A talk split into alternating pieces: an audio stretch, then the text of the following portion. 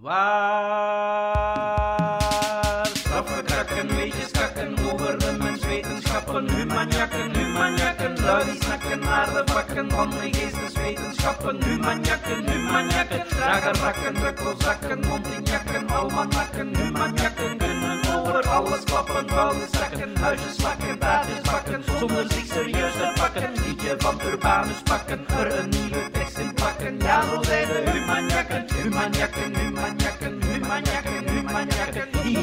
humanjakken, hoe. We schrijven donderdag 25 mei en vandaag zijn onze humanjakken professor taalkunde en bedrijfscommunicatie Bert Oben. Hallo.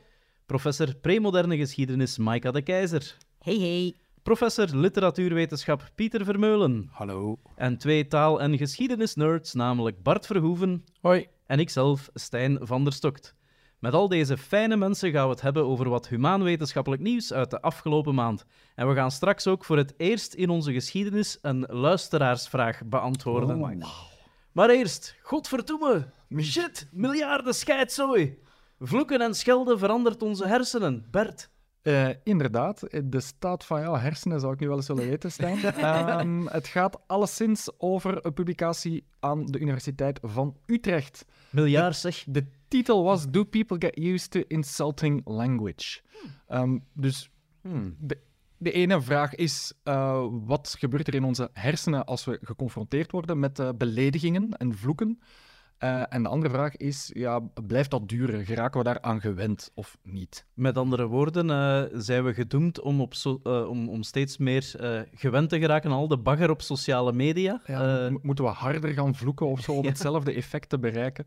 Ehm, of niet? Nu, dat, is, dat, dat was onrechtstreeks maar de vraag. Hoor. Het is, Maar toch nog eventjes een vraag. Is vloeken en beledigend taalgebruik hetzelfde? Want ik vind Nee, zo'n nee, nee, nee, zo'n nee, nee. vloek is toch wel iets helemaal anders, zo'n shit, dan iemand zitten uitkafferen op sociale media. ja, maar het was gewoon een sexier inleiding om eh, te beginnen vloeken.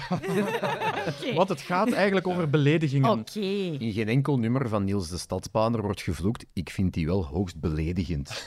Dus het is niet hetzelfde. Nee, en daar gaat het net om, eh, om die beledigingen. Het, het, het zijn, het is ook weer echt een heel eh, ja, gestript experiment waarin proefpersonen moesten eh, zinnetjes lezen waarin ofwel complimenten stonden, ofwel beledigingen, ofwel neutrale zinnen. Zat er iemand bij die die in ontvangst moest nemen, of was het gewoon ze uiten? Eh, nee, nee, nee, nee. Proefpersonen moesten ze lezen.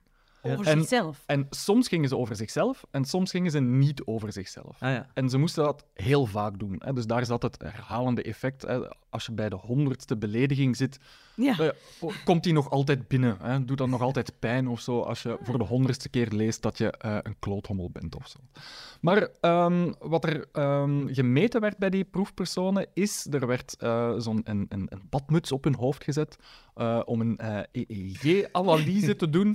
En dan Eh, wordt ze daarmee uitgelachen. Drie uur lang. Sta je dan met je kutbadmuts? Ik vind dat Je zelf ziet eruit als een idioot. En dan maar meten en kijken wat er gebeurt. Ja, basically is dat wel wat er gebeurt. Ehm, er werd niet alleen die badmuts op hun hoofd gezet, er werd ook de, de geleidendheid van de huid gemeten, want dat is een maat voor eh, arousal. Dus je, eh, je huid gaat ja, lichtjes beginnen zweten als je eh, aroused bent en daardoor gaat die elektriciteit beter geleiden, eh, geleiden en dat kan je dus heel nauwkeurig meten. Voor alle duidelijkheid, die aroused, dat wil niet zeggen per se seksueel opgewonden, maar gewoon opgewonden in het algemeen. Ja, ja, eh, ja, ja. ja. Boos, kwaad. Ja. Juist, juist. Dat is dan eigenlijk wel met die belediging wat je verwacht. Ja. Oké. juist. Het zou ook wel heel speciaal zijn mochten seksueel opgewonden worden van drie uur beledigingen incasseren. Ja, misschien sommige Met een badmuts. Ja. Ja, zonder die badmuts werkt dat niet voor mij. Er bestaat vast en zeker een categorie voor op YouPorn.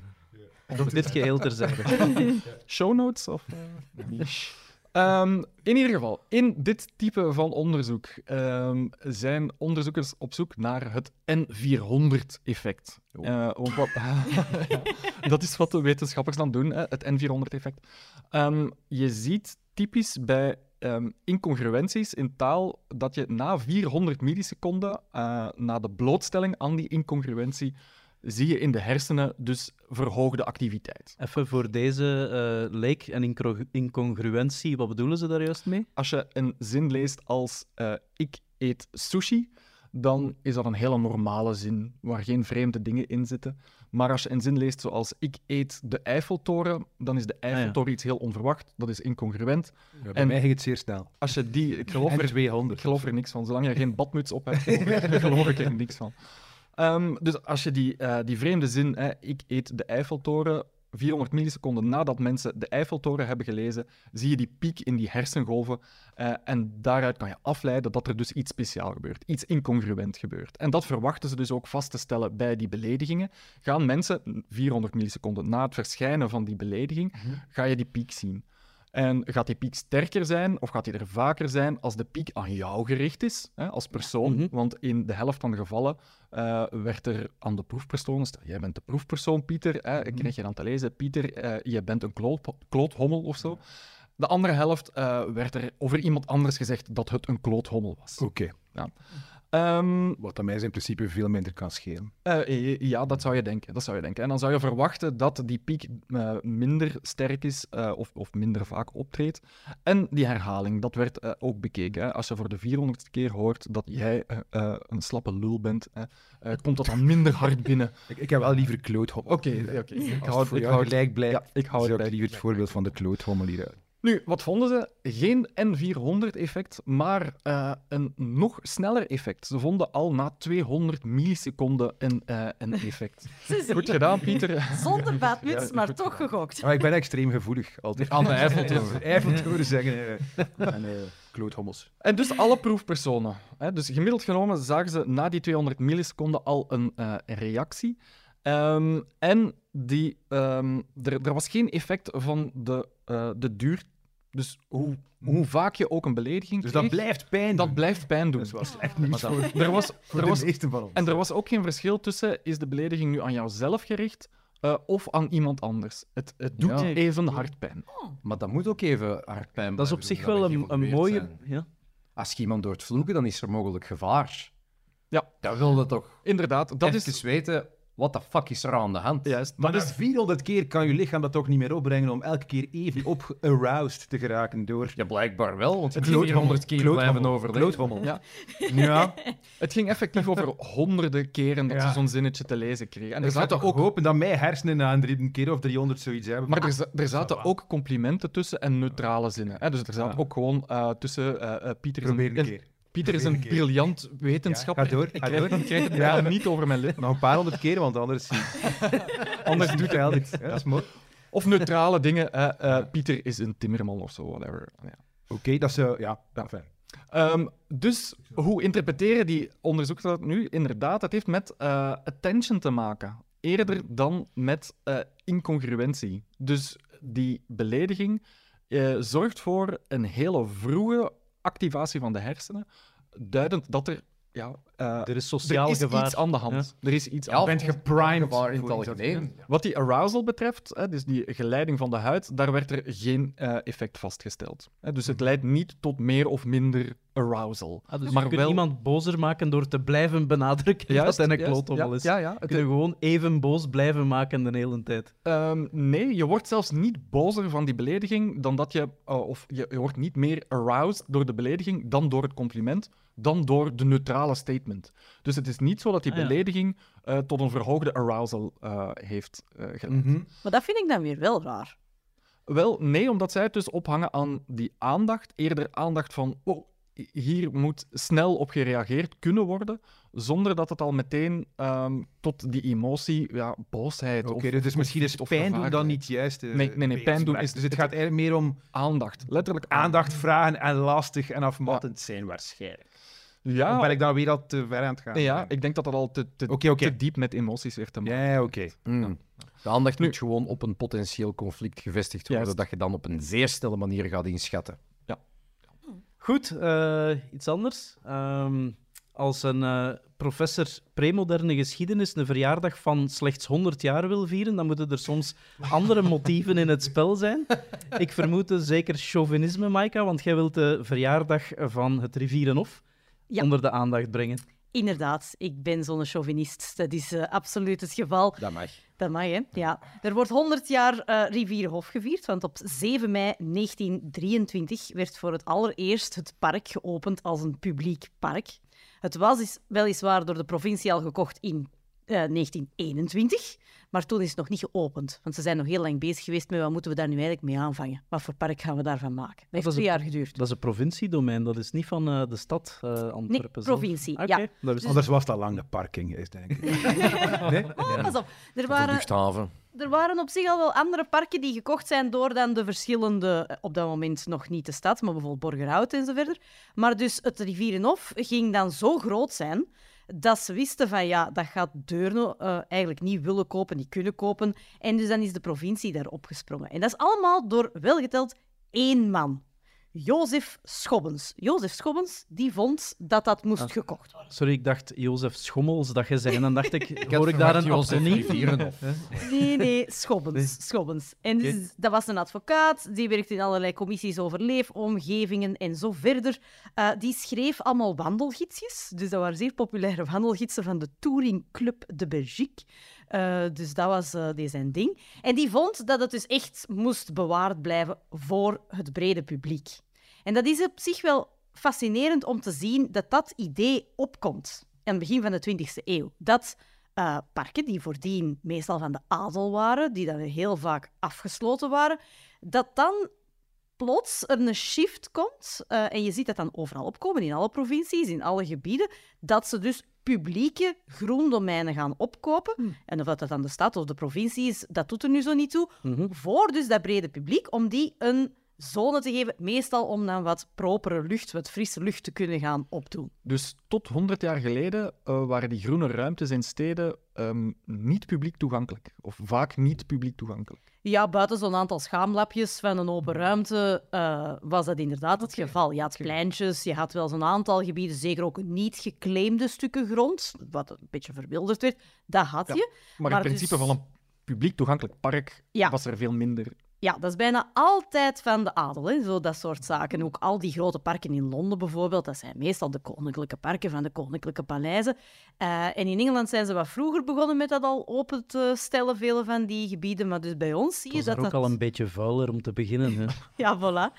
Eh, en dus je ziet dat dat echt een, een trend is van dus begin van de 20e eeuw, dat dat begint te leven van we moeten aan de mensen iets geven. En het is natuurlijk ook zo, waarom is dat begin van de 20e eeuw? Tot, tot niet zo lang daarvoor had je nog veel open wildernis en natuur. Het is door de industriële revolutie dat er natuurlijk een enorme ja, verkaveling van de ruimte komt, van industrialisatie, waardoor dat steden steeds vuiler worden, eh, enorm veel luchtvervuiling. Mensen houden het eigenlijk niet meer uit in dat soort steden. En tegelijkertijd zie je dat dus op het platteland al langer hoe minder ruimte, en zeker in de nabijheid van steden, al langer hoe minder ruimte is voor mensen om zich dan toch eens eventjes terug te trekken. En dus die twee bewegingen bij elkaar zorgen ervoor dat er dus zo'n ja, bezorgdheid komt. eh, in tijden van cholera, in tijden van allerlei mogelijke ziektes, die dat vooral met de luchtwegen ook. Was er nog eh, cholera in het begin 20e eeuw in, in, in België? Ehm, ja, dat was wel echt nog een, een angst. Je ziet dat dus in de speeches dat dat komt, van de tering en van cholera, dat dat echt erin zit als narratief. Van dat is de reden waarom dat we dat Ja. moeten doen. We hebben die groene longen letterlijk nodig voor de gezondheid van onze, van onze mensen. En in hoeverre is dat een, is dat een Vlaams verhaal, een Belgisch verhaal, een Europees verhaal, Je ziet een het toch... Antwerps verhaal? Eh, ja, Antwerpen is nu niet zo groen, dus definitely geen Antwerps verhaal. Maar dus je ziet dat dat wel opkomt in Europa in het algemeen. Dus die hygiënisten en een heel aantal van die verlichte eh, denkers die beginnen in te zitten over het welzijn van de bredere bevolking en beginnen Ja. te pleiten voor dat soort organisaties. Dat is in ieder geval wel een veel bredere dat in. Amerika ook, hè, zo de opkomst van de progressieven eind eh, 1800, die dan zo aan de wieg staan van de eerste pretparken. Waar dat dan de ongewassen onderklasse zich toch even kan gaan amuseren. Ja, ja, inderdaad, dat is datzelfde soort despotisme dat daar wat achter zit. Hè. Met, met geen slechte gevolgen natuurlijk. Nee, je ziet het is een soort van trickle-down concept. Want dus in de 19e eeuw zie je dat dus de elite al zo van die vakantiehuisjes begint te komen eh, in de, erbuiten de stad.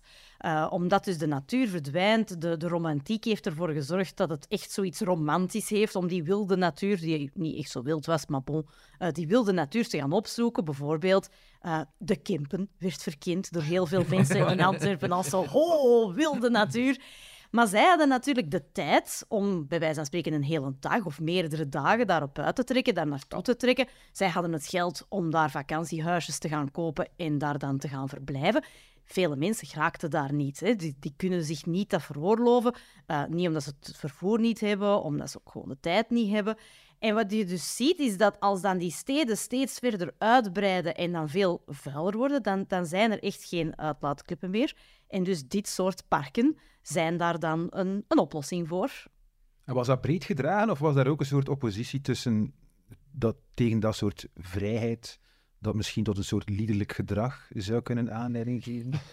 Ik verplaats me maar in een soort Antwerpse conservatieve mindset. ja, terecht. Um, ja, nee, wat je wel ziet, is dat er heel veel conflicten zijn over hoe een park er moet uitzien. Ja, wat is een park? Wat is een park? Dus de, de burgerij en de hogere burgerij, die wil daar van die flaneerparken ja, wel, van maken. Dat bedoel ik zo. Ja, landschapsparken. En je ziet dat dan ook... Dat, dat de lagere klasse met hun diligence daar ook een keer kan komen rijden. Zo, ja, maar je ziet dat ze dan... Je hebt van die park... Uh, um, van die parkreglementen en die zijn echt waanzinnig. Okay, hè? Dus die kunnen echt enorm ver gaan, of dat je daar dan niet mag lopen, dat er bepaalde mm. picknickpraktijken en zo weer aan banden wordt gelegd. Uh, wat dat wij nu zo het idee hebben met die Britten, van je mag niet over dat gras lopen. Mm. Allee, eigenlijk dat soort maar zaken. Maar denk ook aan zonnen of zwemmen en zo, dat soort dingen. Dat moest toch... allemaal wel echt zeer ja, okay. ordentelijk verlopen. Ja.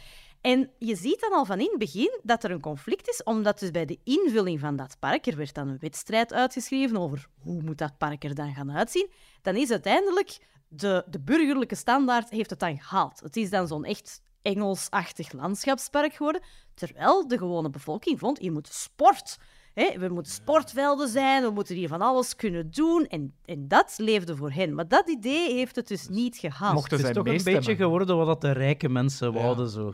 Ja. Mochten de anderen meestemmen? Nee, natuurlijk niet. Nee, hè. maar ik bedoel, er was dus een prijsvraag uitgeschreven. Er waren heel veel verschillende uh, mensen die hebben ingediend. Het is uiteindelijk een, een Antwerpse architect die dat het heeft gedaan. Die heeft jaar en dag naast het Rivierenhof dan trouwens gewoond. Dus tien jaar mee bezig geweest om daar dan een park van te maken zoals ze dat wilden. Um, maar het is dus inderdaad dat burgerlijk ideaal dat het heeft gehaald. En de meeste van onze parken zien er zo uit. Hè? Mm -hmm. uh, dus ja, het wordt opengesteld. Mm -hmm. Ja, iedereen mag daarin, maar het is dan het is vaak... geen vrijplaats. Nee, dat is niet zomaar een vrijplaats. Ziet het Rivierenhof er nog altijd hetzelfde uit als toen, of is dat in de loop der jaren nog fel veranderd? Dat is wel stevig veranderd. Hè? Dus toen dat ze het aankochten, was het één veel kleiner. Hè? Het was eigenlijk um, op dat moment van dus een adellijke familie, trouwens van de familie Kogels, waar ook de Kogels Ozilei, de, die befaamde straat, zij hadden het en dat was het eigenlijk veel kleiner en het omliggende gebied was nog landbouwgebied. Um, en daar stroomt dus het, de, het schijn door, hè, dat is een riviertje, en dat was dus een één groot moeras um, en een aantal stukken met echt dicht bos. En wat je dus ziet, is dat ze daar dan veel meer lanen zijn beginnen doortrekken, maar dus ook om ervoor te zorgen dat dat geen moeras is, zijn ze vijvers beginnen aanleggen. Vijvers waar dat dan dat overtollig water naartoe kon stromen. En dan had je hogere paden, waar dus met propere voetjes op geplaneerd kan worden door de burgerij. En dus je ziet dat heel die layout wel echt veranderd is. Dus als je die plannen doorheen de tijd ziet, dan is daar wel serieus wat uh, aan, uh, aan gesleuteld. En heel veel plannen zijn ook niet tot, tot uiting gekomen. Er ging ook een zwembad komen, er gingen een aantal zaken de, allemaal nog, uh, nog komen, maar uiteindelijk niks van is gekomen. Dus uh, een aantal plannen zijn doorgevoerd, een aantal plannen niet, maar het ziet er zeker en vast niet meer hetzelfde uit als toen. Um, misschien nog even in Antwerpen blijven, Bart. Mm. Uh, Mm. Want jij uh, wou ook nog iets vertellen over die plaatsnaambordjes Ah. die daar op de ring zijn opgehangen Ja. deze week. In, uh, Ah, zo'n Nog ja, even, zo'n leuk nieuwsfeit, omdat wij zo rap zo kwaad kunnen worden. Ik ook trouwens. Ik ben echt boos geworden. En nu besef ja, ik ben boos Misschien nog geworden. even vertellen wat dat er Wat is er eh, gebeurd? Ja, want ja, godverdomme, die kloothommels. Jij voelde u beledigd. eh. Ja, eigenlijk wel. En dat is heel fascinerend om achteraf in, in, op kalmere eh, momenten te begrijpen. Wat is er nu gebeurd? Eh, minister van Mobiliteit Lydia Peters heeft eh, terecht eh, gewezen op de taalwetgeving bij een richtingsaangever, een bord waarop rond Antwerpen Liège stond, in Wow. plaats van Luik omdat dat op Vlaams grondgebied is en mobiliteit is een Vlaamse bevoegdheid, moet de taalwet gevolgd worden en moet dat veranderd worden naar Luik. Zolang dat je in Vlaanderen bent, staat de stadsnaam of de plaatsnaam aangegeven in het Nederlands, ook al wordt daar ter plekke Frans gesproken. En ik vond dat fantastisch om mensen daarop te zien losgaan op sociale media. En ik ook zelf, er is een innerlijke flamingant in mij wakker geworden. waarvan ik niet wist dat hem er was, inderdaad. Dus ik van, dat is hier Vlaanderen, godverdomme.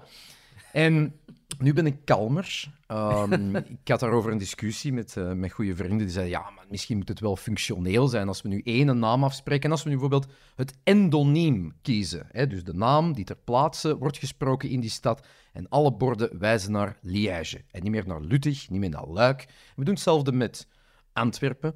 ehm, in plaats van Anvers of Antwerp. En ja, Antwerpen dan. Of... ja ik zag ook een leuke Een meme. lang bord. Dan was er zo een, een, een pijl naar een Brusselse wafel en een andere naar een granaat. Dat kun je ook doen. Ja. Dan weet, weet ook iedereen waar je naartoe gaat. En ik vond dat gewoon tof, want ik heb daar geen antwoord op. Wat moeten we daarmee doen? Maar ik vind het vooral tof omdat de history geek in mij houdt van exoniemen. Ik vind het altijd tof als je door Europa rijdt en je ziet opeens dat Milaan Mailand wordt. Moeten wij weten wat dat betekent, exoniem? Of... Ja. Ja, ik ga ik- het uitleggen. Wij Dat weten. Ik vind dat. Sorry. Ja, En, nee, absoluut gelijk. Dus Ah, een, endoniem hier, dat is een, een, een plaatsnaam die in de taal wordt gesproken. ai, een, een plaatsnaam in de taal die daar ook wordt gesproken. Dus bij ons, Antwerpen is een Nederlandstalige stad. De Nederlandse naam voor Antwerpen is Antwerpen. Dat is een Right. endoniem. Een exoniem voor Antwerpen is Anvers. Want dat Mhm. is het Frans, dat wordt niet officieel gesproken in Antwerpen, maar dat is er wel een legitieme naam voor in een andere taal. Dat is een exoniem. Mhm. Oké. En ik vind exoniemen kei tof. ik vind die fantastisch. Ik heb er ook Ja? een paar opgezocht, want ik vind dat leuk. Oh. En ehm, ja, ik vind het vooral fascinerend, want een aantal steden, pak nu Europa, hebben exoniemen en andere totaal niet. De belangrijkste steden vandaag hebben niet altijd andere namen in andere, eh, in andere talen. Maar je hebt zo van die hele vandaag bescheiden steden. Ik ga een voorbeeldje geven. In het Engels heb je Leghorn. Welke stad is dat? Bescheiden. Ja. Dat is Livorno in Italië. Dat heeft een eigen Engelse naam. Cool. Terwijl gaat daar vandaag naartoe, dat is daar kei rustig, bijna geen toeristen. En dat is een economisch zeer bescheiden sta- qu- qua activiteit. En weten de mensen in Livorno dat zelf? Nee, want die kunnen geen Engels.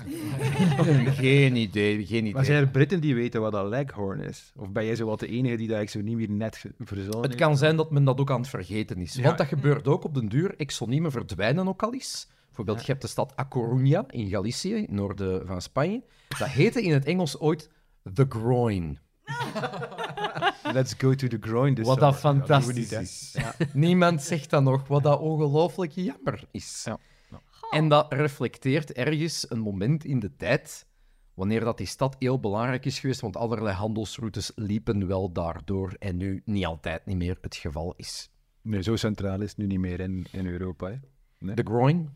De groin? Nee. Ik ben nu al vergeten wat dat was eigenlijk. Ook vandaag is daar een taalpolitiek bezig, hè, want in Spanje is dat nog een pak hitsiger dan hier. Je hebt dus Spanjaarden die dat weigeren A Coruña te zeggen, want het is voor hun La Coruña. Die spreken dan natuurlijk Castellaans. Dat is ook de voetbalploeg. Dus, eh, Voilà, inderdaad. Hè. Franco's beleid heeft er veel mee te maken. En ik vind dat zo leuk om door die atlassen te gaan en dan te zien welke stad is er ooit belangrijk genoeg Maar Bart, ik het- verschillende namen te hebben. maar als ik het goed heb, Bart, ben jij dus een fan van het gebruiken van exoniemen? Exoniemen, ja. Dus bijvoorbeeld mensen die dan Barcelona als Barcelona uitspreken. Ik wil die op Jij vindt dat het slaan, Barce- ja. Barcelona moet zijn. Ja, ik, vind dat herinner ook, mij maar- Jan Bekaus, die nog op zijn fout Brits New York bleef. New York. New York. Ja. Ja, ik vind dat dat een Oh, charme ik, vind dat dus net... En voilà, maar dat is oké. Ik En ben- vooral, dat is heel verwarrend. Hè? Aix-en-Chapelle, bijvoorbeeld, Ja, dat, dat gaat dan Dat over Keulen. En als ik dat in Dat is mijn... Aken. In, mijn Aken. eh, in Aken, Zie je het sorry. wel? Zie hoe verwarrend dat is? Dat is keiverwarrend. Dat is keiverwarrend. Pedagogisch, goede verspreking. Dat is een heel goede verspreking. Ja, kijk, om het punt te maken. Maar dus dat is super verwarrend, omdat er dan wel degelijk een stad is die dat zo heet. En dan, en dan Ja. is dat verwarrend. Dus ik vind dat echt En dat niet vindt meneer leuk. ik vind dat kei tof. Dat een helft van ons verloren rijdt omdat ze niet weten dat Geldenaken Jotonje is. Ik vind dat tof. Er zijn trouwens wel landen die echt campagnes voeren om daar vanaf te geraken. Bijvoorbeeld, je hebt nu Turkije, Ja. dat dus die campagne heeft met Turkije. hè. Niet meer is Turkey. Ja, je ik snap dat. Ik, ik snap dat je niet Oh. genoemd wilt worden naar, naar een kalkoen. Terwijl de kalkoen vernoemd is geweest naar het land. Maar ja, inderdaad. Maar tegen dat je dat uitgelegd hebt... dan Ja, is ze, er nee, een nee, reis dan, dan, zit al lang in. Armenië. En Turkije klinkt gewoon veel mooier. Dus ik, ben, ik sta aan de kant van Turkije op dat vlak. Ik vind dat echt wel... eh, Ik, ik geloof in zelfdeterminatie ergens. Ik vind ook dat als je genoeg Ja, maar ja, tegen andere je, landen je, zegt, bent daar tegen. Je bent daar tegen. Ik heb er begrip voor. Oké. Maar ik hou keihard van mijn. Bart, En jij dat is is. Bart, Ja, weet je wel. Op dat gebied wel. één ding vind ik vreemd. Als je zo Hmm. hard voor exoniemen bent, waarom waren je dan tegen het gebruik van Anvers of Liège, eh, bedoel ik, eh, op de ring van Antwerpen? Ah, ja, omdat dat mij mijn exoniem ontneemt. Want voor mij is dat luik. Dus jij zit... En ik vind dat leuk. Ik vind dat leuk. Ik vind het leuk. ik vind het leuk dat als een luikenaar tot in Antwerpen rijdt en terug naar huis gaat, dat, dat, dat hij naar Luik moet rijden. Oké. Niet naar Liège. Ja, Oké. ja. Oké, laat ons het dan eens over muilen hebben. Eindelijk. Want we hebben het hier al eens over muilen gehad Ja. bij de Humanjakken een paar eh, maanden geleden, veronderstel ik. Maar de wetenschap staat niet stil Maar de natuurlijk. wetenschap staat niet stil. eh, en, Het is eh, niet omdat wij geobsedeerd zijn of zo. hè. Het is gewoon Nee, nee, dat nee, het is, wetenschap eh, niet puur stilstaat. academisch. zuiver academische interesse. Ehm, wat er gebeurd is, is eigenlijk, eh, er hebben een aantal wetenschappers een maaikatje gedaan. Ze hebben namelijk gezegd, ja, eh, wat dat die exacte wetenschappers daar beweren, dat klopt niet helemaal. Ah, Want eh, de archeologische en historische vondsten die bewijzen iets eh, anders. Dus wat is er gebeurd? Ehm, er waren een aantal eh, exacte wetenschappers die de DNA-stammen hebben onderzocht van het herpesvirus. Eh, en daaruit hebben geconcludeerd, omdat dat plots in eh, bepaalde skeletten eh, heel vaak voorkwam, een bepaalde stam, dat er ergens een culturele verandering moet plaatsgevonden hebben. Eh, met andere woorden, dat wij plots allemaal zijn beginnen muilen in Europa en dat dat een culturele verandering was. dat Want- hebben wij hier dus ook gezegd in die podcast. En dat hebben wij ook gezegd. Ja. het- Voor waar aangenomen Ja, zelfs, want het was wetenschap. Het, het scheen zo te zijn, want dat stond in een eh, eh, gerespecteerd eh, vakblad. Eh, nu staat er in een ander gerespecteerd eh, vakblad, namelijk Science, een update. Ehm, waar zij geen rekening mee hadden gehouden, was met een aantal eh, kleitabletten die gevonden zijn in, in Sumerië en in het oude Mesopotamië. Enfin, in het, ze zijn gevonden in het huidige Mesopotamië, maar ze kwamen uit het oude Mesopotamië. Zij hadden zich eigenlijk gebaseerd op een tekst uit 1500 voor Christus, eh, uit India, waarin het, er wordt beschreven hoe er getonkust wordt. En ze dachten van dat is de oudste attestatie van tonkussen. En je merkt dat die, eh, dat, dat, dat die eh, herpesvirusstam is beginnen veranderen rond diezelfde tijd. Hè? Dus zij dachten dat heeft met elkaar te maken. Nu, wat blijkt, millennia daarvoor deden de Sumeriërs elkaar al binnen. Dat blijkt op, uit een, ja, een aantal kleitabletten, eh, waarop er geschreven staat eh, in een spijkerschrift. Bijvoorbeeld, eh, het zijn- leuke voorbeelden hoor. Het ging dan over bijvoorbeeld een getrouwde vrouw die een beetje verward was omdat ze gekust werd door een vreemde man hè, op de mond. Het ging ook over een ongetrouwde vrouw die zwoer om een bepaalde man nooit te zullen kussen. Hè. Dat is ook een attestatie van dat kussen. Eh, in, ja, op kleitabletten van 2500 voor Christus, dus echt al 4500 jaar oud. Lang voordat dat herpesvirus gemuteerd is. Hè, in die eh, vroegste Sumerische teksten werd kussen ook beschreven als een postcoïtale activiteit, eh, blijkbaar. Dus, ja, dus eh, het was niet om opgewonden te geraken, maar eerder als naspel of zo. Ehm, en het, het wetenschappelijk artikel zegt ook in heel wetenschappelijk jargon, wat ik heel grappig vond. En de locus van die kus was de lippen. Muilen dus. eigenlijk. Muilen Ja. dus. Ze zeggen er niet bij welke lippen ook, maar bon. Ja. Ja. Wat ik me afvraag, Stijn, om, dus die, die exacte wetenschappers hebben dat gemist. Is dat omdat er dan in Sumerië nog geen herpes was om eh, te gaan muteren? Waardoor dat zij het niet kunnen opsporen hebben? Of, eh, Nee, of eh, waarom zijn de Sumeriërs herpes- aan het ergste ontsnapt? Herpes komt al veel langer voor dan die bepaalde stam die zich zo gemakkelijk verspreidt. Hè? Dus dat is echt al, eh, dat, is, dat is denk ik al honderdduizenden jaren eh, een soort van meereizende partner met de mensheid. Eh, wat dat er veranderd is, is dat ehm, de stam die kan doorgegeven worden, dat die eigenlijk doorgegeven wordt via het speeksel en via de mond Mhm. gemakkelijker. Eh, daarvoor werd er alleen maar in andere lijnen eh, eh, dat DNA doorgegeven, in de matriarchale lijn, dacht ik, als ik het mij goed herinner, uit het eerste artikel. En dat gaat dan over eh, ehm, eh, ja, moeder-zoon of dochtercontact, moeder-kindcontact. En dat is ook gedrag dat je bijvoorbeeld ziet bij primaten. Hè. Er zijn heel veel primaten en ook andere zoogdieren die, ja, die, die hun kroost, hun nageslacht kussen of met de mond aanraken. Hè. Katten likken bijvoorbeeld ook hun, hun, hun jongen. Ik vraag, Eh, ik vraag me eigenlijk af, waarom eh, steunen we zo hard op vondsten in eh, literatuur of, of kunst om te bepalen vanaf wanneer dat mensen zijn beginnen muilen? Waarom zouden we niet verwachten dat ze dat al tienduizenden jaren eerder doen?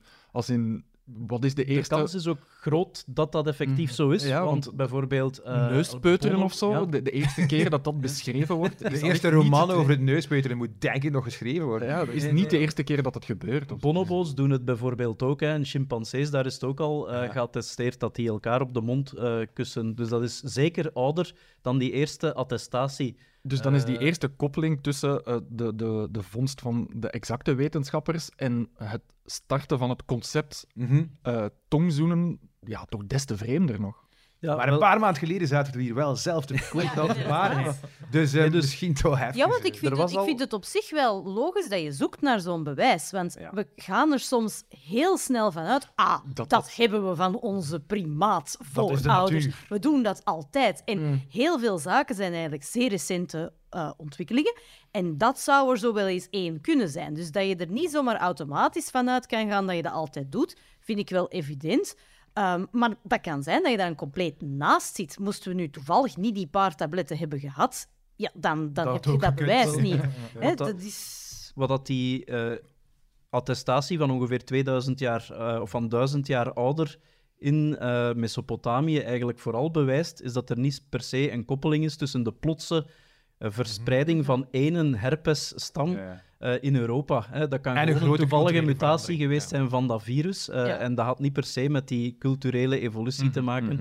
Eh, sterker nog, hè, er wordt zelfs al in, eh, op, op eh, Sumerische kleitabletten blijkbaar ook een ziekte beschreven die eigenlijk veel weg heeft eh, van herpes. Eh, die eh, voor blaasjes zorgt eh, en eh, rond de mond enzovoort.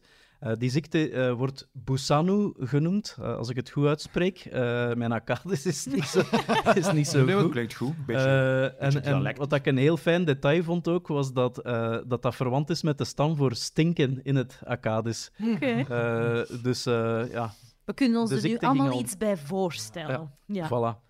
En dus wat, wat dat het vooral doet, die, die, allee, ehm, die, die vondsten waar, die, die nu beschreven zijn eh, als antwoord op die genetische studie, is zeggen van, kijk jongens, eh, er werd al getonkust lang en voor... gestonken. Eh, lang gestoken, Voor lang voor die attestatie in India die jullie beschrijven. Eh, en dat wil dus niet per se zeggen eh, dat, eh, dat er een culturele verandering de verspreiding van het herpesvirus in, het, eh, in de hand heeft gewerkt. Dus, dus wachten op het volgende onderzoek dat eh, Mesopotamië aflost als bakermat van de tongen.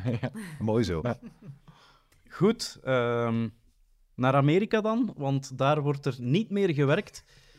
In een Deleuze eh wordt daar wel nog gewerkt, denk ik, maar vooral in Hollywood. De schrijvers daar, eh, die hebben het werk neergelegd. Ja, dat is toch een opvallende eh, ontwikkeling deze maand. Op 1 mei zijn de schrijvers voor Amerikaanse televisie en film collectief in staking gegaan. Eh, 98% van de gilde van televisie- en filmschrijvers was akkoord om te gaan staken. En er wordt eigenlijk verwacht dat er de volgende maanden eh, een staking zal blijven. Er wordt zelfs gedacht dat veel acteursgildes en directorgildes zich daarbij zullen aansluiten. Dus met andere woorden, het ligt daar allemaal op zijn gat. Er zijn vele ehm, dagelijkse tv-shows die al vanaf 1 mei eh, donker geworden zijn en niet meer uitzenden. Boeken moeten beginnen lezen? Nee, zo erg wordt het niet. Want eh, dus wat er is nu op het einde van eh, de- deze week gebeurd is, is dat de meeste zenders eh, een programmaschema's voor het najaar bekendgemaakt hebben. En eh, dat wordt een deprimerende mengeling van reality TV, nieuws en sport. Nochtans, dus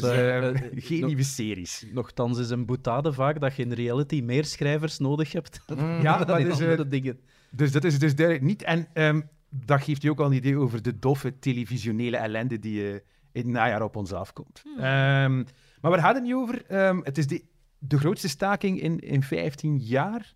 En het heeft veel te maken met een gans veranderend klimaat in Amerika eh, voor schrijvers. Hè? Want tien jaar geleden las je nog heel optimistische stukken over grote literaire schrijvers die eigenlijk als voornaamste ambities hadden om grote HBO-shows te gaan schrijven. En om als showrunner van grote tv-shows te gaan optreden, omdat je daar je creatieve ei kwijtkomt. Hè. Dat was zo tien jaar geleden, toen Netflix begon Mhm. oneindig veel geld te smijten naar, eh, Mm. naar eigen series.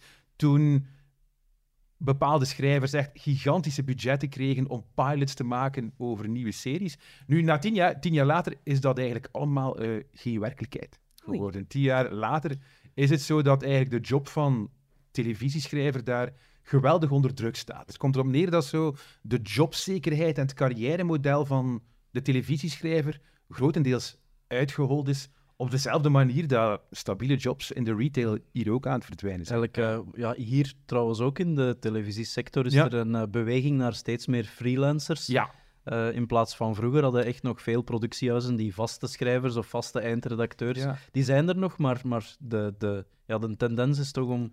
ja, ja meer- het, het centrale woord in die Amerikaanse discussie is de residual. Eh, de residuals. Het komt erop neer dat je vroeger, als je eh, deel was van een schrijfteam, hè, elke serie had een writer's room, een writing room van zo'n 12, 15 mensen, die een jaar lang 10, 15 jaar geleden was dat typisch 22 afleveringen per serie maakten. Je had vast werk, dat werd uitgezonden. En de residual was precies het geld dat je nog zou krijgen als je serie drie jaar later nog eens op de Hongaarse televisie uitgezonden werd. of als er nog een soundtrack verkocht werd vijf jaar daarna. Dus je had eigenlijk een vaste stroom van inkomen. Wat dat ook betekende dat je als schrijver niet elk jaar een wereldhit moest hebben. Er Ja. kwam altijd wel wat geld binnen. Je kon zo wat dalen na de pieken opvangen. Je kon een carrière uitbouwen als schrijver, maar in de nieuwe context waarin streamers heel veel data hebben over wat er werkt en wat niet werkt,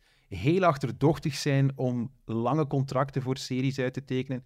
Netflix bijvoorbeeld heeft meestal series van zes of acht afleveringen. Er zijn heel weinig series die meer dan twee seizoenen meedraaien.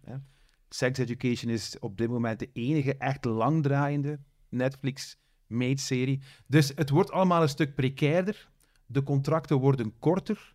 De schrijversteams worden kleiner. En er zijn geen residuals meer. Want een bedrijf als Netflix vertelt niet aan de schrijvers van die series hoeveel Mhm. mensen daar naar kijken, hoe vaak dat gestreamd wordt in Hongarije. Je krijgt gewoon je geld voor Dat- wat dat je op tafel legt. Wat En, over- je hebt, ja. en, het, en, de, en de inkomsten die dat later genereert, gaan uitsluitend naar die streamers. Ehm, dus dat is eigenlijk ook zo'n beetje een verhaal dat je denk ik een beetje kan vergelijken met wat er in andere sectoren gebeurt. Hè? Dat je gewoon betaald wordt voor de uren die je klopt, Ja, maar geen eigendom of eigenaarschap meer hebt over het product dat je aflevert. Mm. Ja, want het is op zich ook wel opvallend. Hè? Als je zegt die residual daar, Mhm. Netflix maakt het net mogelijk om series mega gemakkelijk Ja, naar andere landen. Hè? Dat, dat- Ja, ja. Ik, ik zit naar Turkse series te kijken de ene dag en dan de volgende keer een andere. Dus je zou net verwachten dat het de golden age van dat soort eh, ja en- inkomsten en, precies. is. En je weet Voor ook dat Netflix Netflix... wel. Ja, voor Netflix wel, maar dus dan vind ik het wel goed dat zij dat nu aankaarten van herverdeel die koek. Ja. Eh, eerder dan gewoon te zeggen wij pakken alles en, en Ja, wel, en de kant van het verhaal is ook dat de Netflixen van deze wereld, hè, er zijn er dus een paar, echt ook alle zeer specifieke data hebben over elke Hongaar die met zijn oogbol naar een serie kijkt. Ja. Maar het vertikt om dat met aandeelhouders te delen en dus ook met de creatieve mensen te delen. Dus eh, het is een zeer wrang moment in de tv-geschiedenis. Ik herinner mijzelf persoonlijk, de, ik, ik als tv-consument dacht tien jaar geleden ook dat we naar een gouden toekomst eh, gingen. Toen zag het er ook echt zo naar uit. Maar ehm, door die concurrentie, door het beknibbelen op de kosten in de tech-industry, waar dan Netflix deel van is, zie je dat eigenlijk alle ruimte voor creativiteit en voor vrijheid en voor onnozelheid die er was, dat die er eigenlijk allemaal uitgeknepen worden.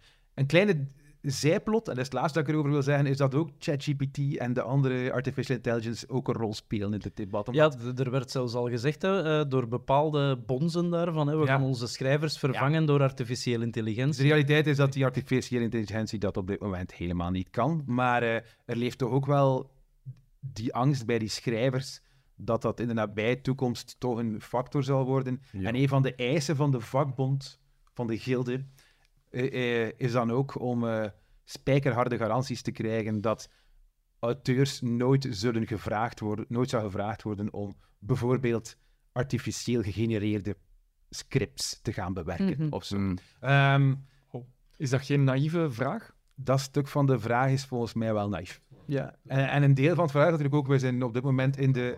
artificiële intelligentie-revolutie zijn wij geweldig op tekst gefocust. Maar artificiële intelligentie kan natuurlijk ook zelf beeld en Beeld, geluid ja. maken. Tuurlijk. En ehm, daarom heb je denk ik gelijk, Bert, dat eh, dat soort bekommernis over de inmenging van artificiële intelligentie in het schrijf- en productieproces, dat dat binnen zes maanden waarschijnlijk als een zeer gedateerde eis zal klinken. Ehm, Mhm. Wat niet per se goed nieuws is. Maar toch nog ene, ene mooie take, denk ik, eh, eh, erop misschien kan zijn, effectief, dat staken effectief werkt, hè, eh, Ja, als uw positie onder druk staat.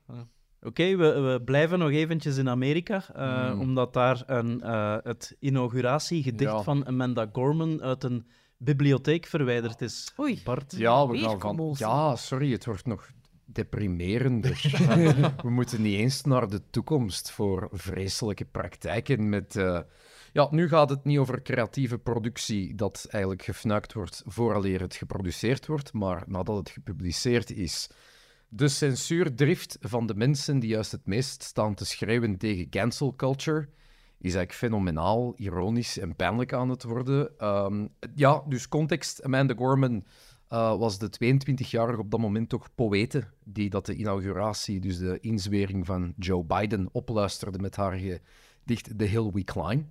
En dat heeft daar meteen... Ja, het schitterend. En prachtige, ah, niet alleen een, een prachtig beeld van de, de strijden die in, al in de Amerikaanse geschiedenis zijn gestreden voor gelijkwaardigheid op meerdere fronten. Het heeft daar ook haar carrière gelanceerd, maar natuurlijk heeft daar ook een doelwit gemaakt. Voor de, niet de eerste keer, voor de zoveelste keer eigenlijk, is dit een voorval van bijvoorbeeld een Parents-Teachers Conference die uit de hand loopt. Er is op een basisschool in Florida, dat is een staat waar dat tegenwoordig veel van die praktijken gebeuren, wegens wetsveranderingen. Komen nooit nog positief in het nieuws eigenlijk. Florida doet het niet goed op dit moment. Ehm, want er, ja, er, er is de deur opengezet voor wetten tegen... Of een, een wet die de deur openzet tegen... Zogezegd tegen hate speech.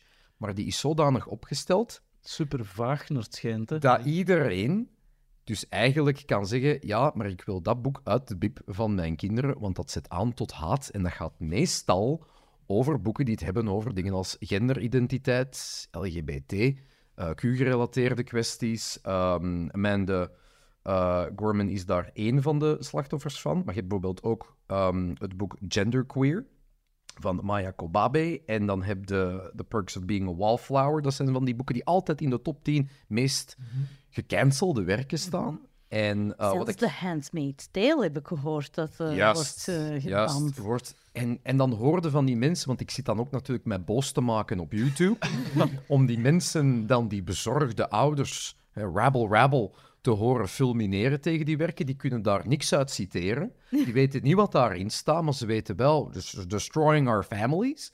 Maar wat dat effectief wel de cijfers zeggen, is dat in 2022 al 40% meer klachten zijn geformuleerd tegen zo'n werken in bibliotheken, niet alleen in scholen, dan het jaar ervoor 40% meer. En er zijn heel veel scholen die er ook voor buigen. Niet lang geleden was er ook een school, ik denk niet in Florida, ergens anders in Amerika, die dat een beeldenis van David van Michelangelo. Ja, Ja, ja, juist. juist. Wegens onzedig. Ja. En ja, dan... Ja, maar ja, dat is gewoon een buitenis, want de, de wet in Florida is nu zo, als ik het goed begrijp, dat van als er een klacht is, dat die sowieso moet onderzocht worden. Mhm. En in afwachting van een uitspraak moet het boek uit de bibliotheek gehaald worden. Dus met andere woorden, als je die Ja. bibliotheken trolt met zeven of acht onnozele requests per Ja. dag, verdwijnen nu, dat is op zich... al die interessante Dat is op zich niet nieuw. Uh, in mijn eigen, dat is al even geleden, maar mijn eigen doctoraal onderzoek ging over een extreemrechtse beweging in de jaren 60. Die verspreidde toen al folders tegen, tegen de Verenigde Naties, tegen alles dat rook naar progressief gedachtegoed, om dan bijvoorbeeld alle lectuur dat daarover gaat, dat iets te progressief is, uit de plaatselijke bibliotheken te halen. Maar nu hebben die mensen het internet aan hun kant ook en sociale media aan hun kant. Dus nu, als ik kijk hier naar de cijfers van de American Library Association, dan zitten we volgend jaar al met ja, bijna 3000 aangeklaagde ingepannen werken. Het schrijnendste aan de, heel de, die anekdote dat ik eh, zag passeren op sociale media, het formulier waarin die klacht geformuleerd is, is uitgelekt op Twitter.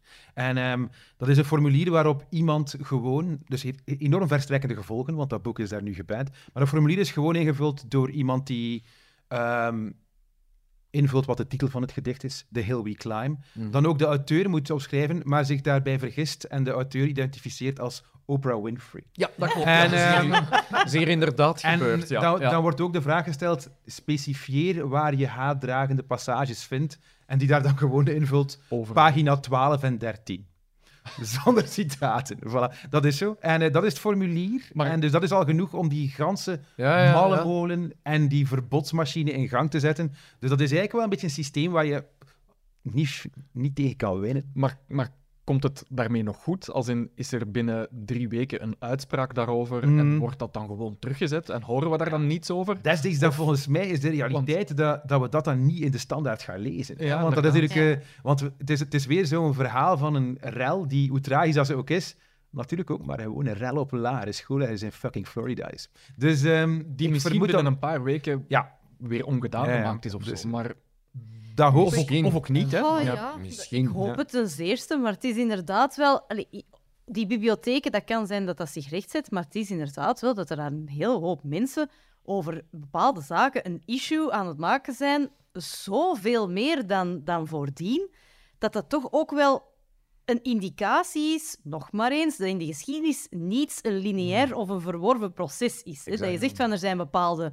rechten verworven Nope. als het gaat over gender, als het gaat over diversiteit, als het gaat over eh, allerlei mogelijke mening. aspecten, vrijheid van meningsuiting. En dan denken we nogal snel van, voilà, we, hebben dit, we hebben dit nu gehaald. En dan plots worden er dingen in vraag gesteld, zelfs al komt dat boek daar nu terug op, die, op dat schap.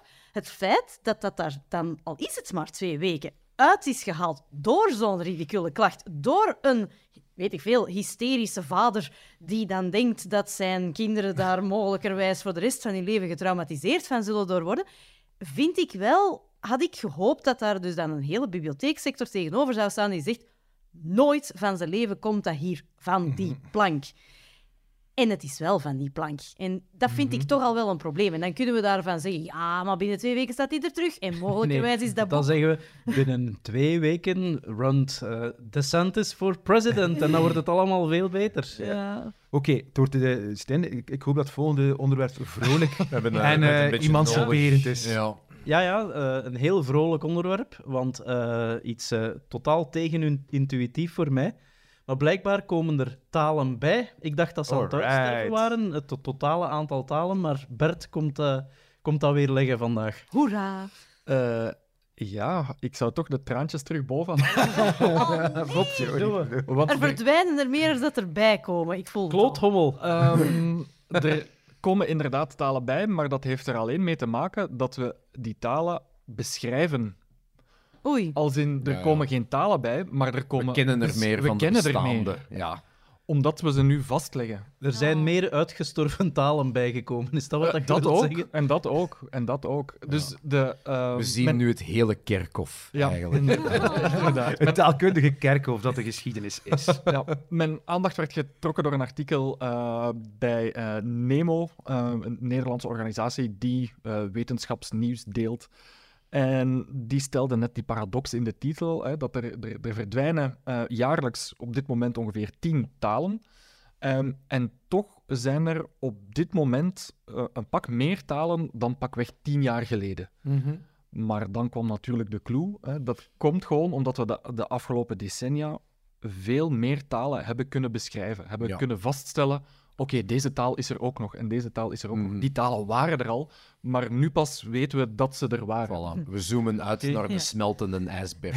Dat is zoals die 19e-eeuwse wetenschappers die voor het eerst een kever omschrijven op een bepaald eiland, maar daar gewoon al heel lang liep. Maar dat is de eerste westerling die dat die heeft gezien. Juist, juist, juist. Dus het blijft tragisch nieuws, want de snelheid waaraan talen verdwijnen eh, loopt stevig op. Dat Oei. zit nu aan tien talen per jaar. Oei, Ehm, Dat is wel hallucinant veel. Hoeveel talen zijn Er er? zijn in totaal Duizenden. een, een goede 7000 talen. Ja. Misschien ook iets voor de show notes. Eh, Ethnologue is een hele goede website waarin je in real time kan bijhouden welke talen er allemaal zijn, levende Ik dacht talen. welke dat er aan het uitsterven zijn op dit moment. Ehm, en ehm, je kan dan ook per land kijken hoeveel talen daar gesproken worden, Ja. door welke gemeenschappen, hoeveel sprekers enzovoort. Ja, Dus oké, dat maar is- 7000 is ook gewoon dysfunctioneel veel. ja, ik bedoel, is, is 2 à 300 lijkt mij veel beter. Nee, dan lijkt mij dat niet be- Ja, gewoon. Allemaal een ander woord voor luik. Ja, ja. ja. Ehm, dus er, er, er, zijn, er zijn duizenden talen en je zou denken, oké, tien per jaar die verdwijnen is niet zo erg, maar ehm, pakweg 100 jaar geleden verdwenen er geen talen of zo, of één per jaar. En dus de snelheid waarmee er talen aan het verdwijnen zijn, is echt heel sterk aan het stijgen. Het lijkt echt En dat die is, die perceptie is geen gevolg van het beter beschrijven van het uitsterven. Ja, dat zijn Oké. maatschappelijke gevolgen, denk ik eerder. hè. Eh, en ehm, wat er ook aan bod kwam, is dat er nu ah, op dit moment ongeveer 40% van die 7000 talen ehm, bedreigd is. En wat is Mhm. volgens die etnoloog een, een bedreigde taal? Ehm, ja, het spreekt heel hard voor zich. Een taal is bedreigd vanaf het moment dat... Netflix er niet meer in investeert. Oh, dan, eh, dan zit het wel veel meer dan 40%. Het moment dat eh, sprekers geen, de taal niet meer verder leren aan hun kinderen. Ja, dus dat je eh, situatie gaat die hebt uitsterven, dat ja. de ouders de taal nog wel spreken. Dat geldt maar voor de kinderen 40% niet. En dat geldt zit op dit 40 punt. Op dit moment. Echt, ouders Dus- zeggen van, eh, jongens, dat Tagalog eh, dat wij hier spreken, eh, we zien de toekomst er niet van. Vooral dat de kinderen zeggen, wij zien de toekomst Ah, ja, er niet meer van. Ja, maar- Want de ouders hebben Ah, het de niet kinderen die daar in logisch. de driver zijn. De ouders leren het niet meer aan de kinderen. eh, de kinderen verstaan de ouders nog wel. ja, maar die maar- gaan dat maar niet meer spreken- doorgeven. Ja, Wat zit daarachter? De mondialisering? eh, van, ja, Ja. i- Ja. Iedereen kijkt naar Netflix, dus iedereen kent Engels. eh, Maar zouden en- niet hetzelfde kunnen zeggen met tijdrekeningen? Hoeveel dat er daar nog van overschieten? Ja, sorry dat ik daar al denk, maar dat is Ja, hetzelfde principe. gooi dat er nog bij. Ja, gooi dat nog een depres- depressief gaan slapen. Ja, dat is... Maar jij wilt terug naar de Maya-kalender of zo? Of, eh, Nee, nee, ik, ik, ik observeer dat graag, dat soort dingen, omdat je ziet, als je allemaal meer en meer in één wereldsysteem draait, je gaat dingen die opgeven. hield ook op in 2012, denk ik, dus we kunnen hem niet meer va, gebruiken. inderdaad. Ja, het updates ook- niet meer gepland. Dat is ook iets zelf een beetje natuurlijk. Een eindige tijdrekening. Ja.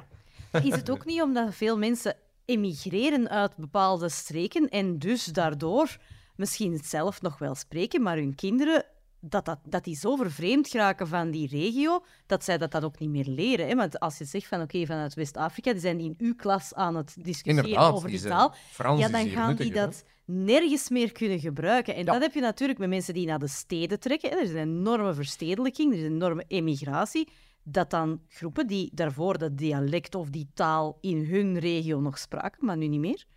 Is dat dan een driver? Eh, dat zou kunnen. Waar ze het hier vooral over hebben, is ehm, ja, het economische belang van de grotere talen. Dat mensen in kleine lokale, dat mensen in kleine lokale talen ehm, het vooral van het economisch belang interessanter vinden om Spaans, om Uiteraard. Frans, om Engels te spreken. Ja. Eh, en niet meer die kleine lokale. Ja, ik, vind dus, ik zit dus echt keihard te proberen hier om dat erg te vinden. Maar het lukt me niet. Ja, je zou je inderdaad kunnen afvragen van, ja, is, dat, is dat een probleem? luisteraars, hij is het echte probleem. Ja, ja, ja.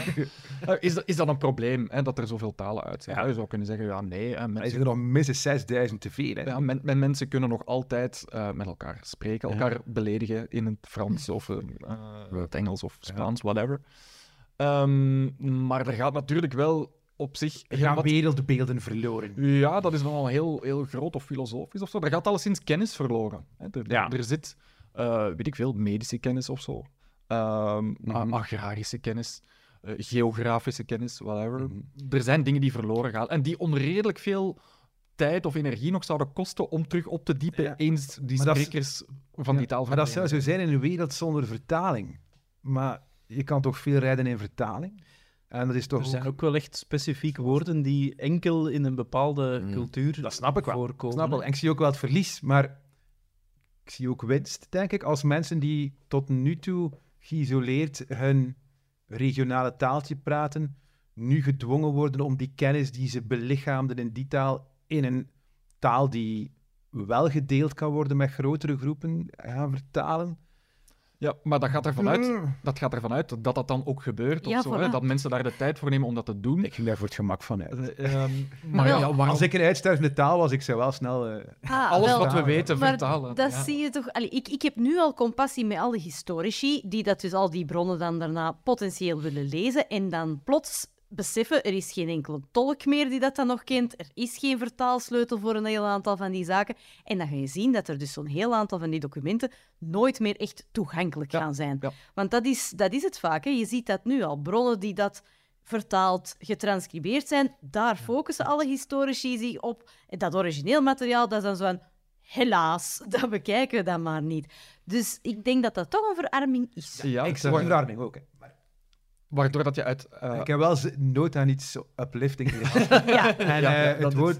Oké, maar goed. Ja. Eh, doe het dan voor mij. Ver- vertaling.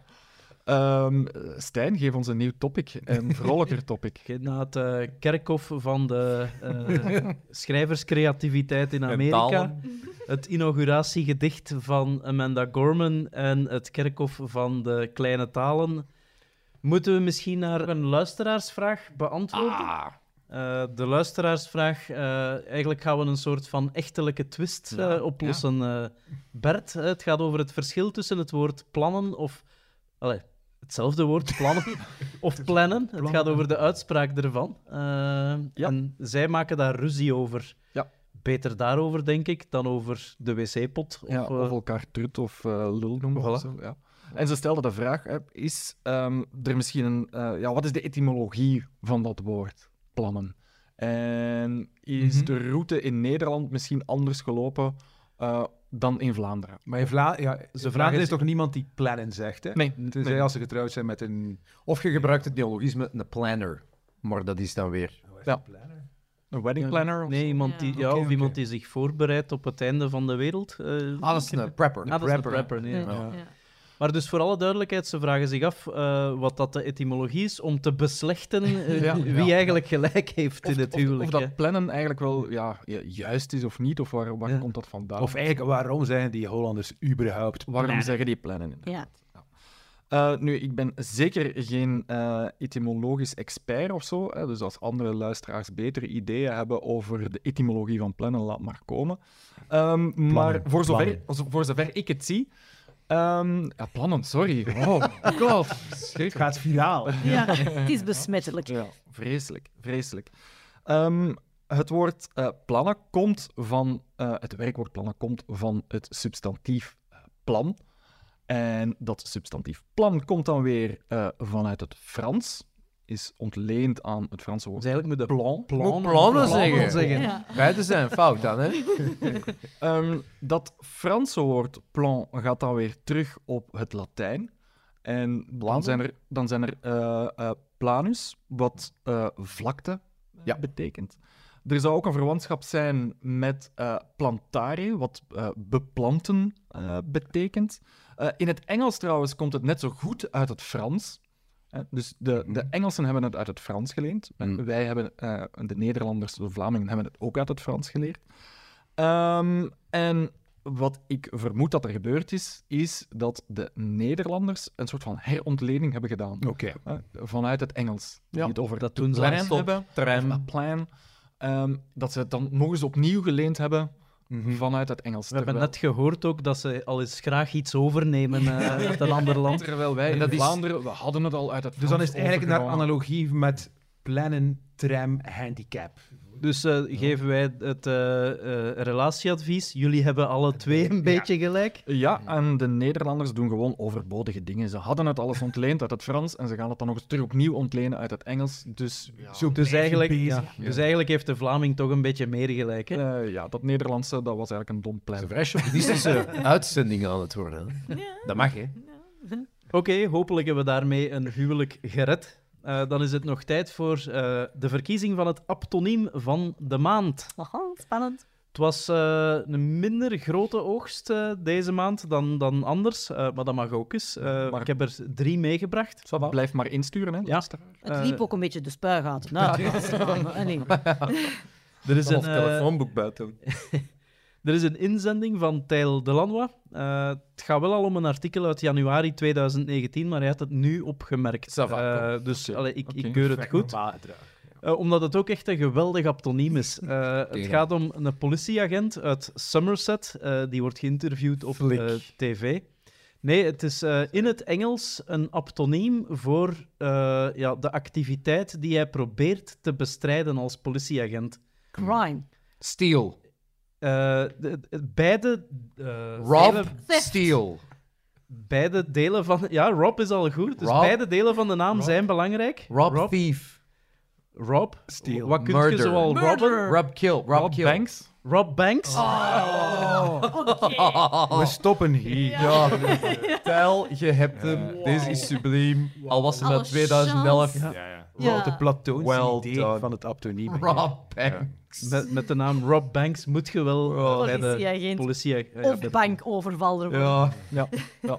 Ehm, Voorts eh, was er een Vlaamse bisschop, eh, en jullie kennen die natuurlijk allemaal bij naam, eh, die een eredoctoraat heeft gekregen in Bonn. Eh, het gaat om Bonnie. Bonnie. Ja. Johan Bonny kreeg Ah, nee, dat vind ik te evident. Oké. Ja, en Antwerpen heeft al genoeg, eh, ja, genoeg Antwerpen ere gekregen. genoeg. Ja, sorry. En dan was er deze maand ook nog een eh, BBC-artikel viraal gegaan eh, over een schoolbus die is vastkomen te zitten onder een, een lage brug. Eh, en de reporter die dat nieuws moest brengen eh, heet Caroline, maar met haar fam- Stuck. familie... Ja, Bridges. eh, maar het is een lage brug. Uh, Caroline Low Bridges. Lowbridge. Low Bridges. Oh, pas op, dat vind ik toch ook weer een Caroline gast. Lowbridge bracht verslag uit over die bus. Eh, fantastisch. Die brengt normaal gezien alleen sportverslagen uit, maar ik denk dat de redactie haar ik bewust naar daar is. Ja, ja. Caroline, deze is een voor u. Ja. Oh, pas op, nu ze zou ten allen tijde winnen, moest ze nu niet tegenover die Rob Banks staan. Ja, een echte Ja. topper. hè. Ja, Sorry. ja, dat Ja. is wel jammer voor haar. Slechte Ja. timing, maar... Kiezen we voor Rob Banks? Ja. Hoe Ah, kunnen we niet kiezen voor Rob Banks? dat is een double whammy. Gewoon. Ja. Oké, Rob Banks, eh, mocht jij het Nederlands machtig zijn en naar deze podcast luisteren. Voordat onze Jij taal uitsterft. De wisselbeker aptoniem van de maand van de Humanjakken. Ja. Eh hebt je zelf trouwens eh, thuis een aptoniem gezien? Laat het ons zeker weten op Of heb je een info.humanjakken.be. echtelijke ruzie over etymologie? Heb je relatieproblemen? Heb je een andere vraag voor ons? We zitten hier met een aantal experten samen die antwoorden graag op jullie vragen. Dus laat het ons zeker weten. Eh, bedankt voor het luisteren en ook bedankt aan Bert. Tot ziens. Bedankt aan Pieter. Tot de volgende. Bedankt Bart. Is het zelf bedenkt. En bedankt Maika. Salut, Gus. Salut, kloothommels.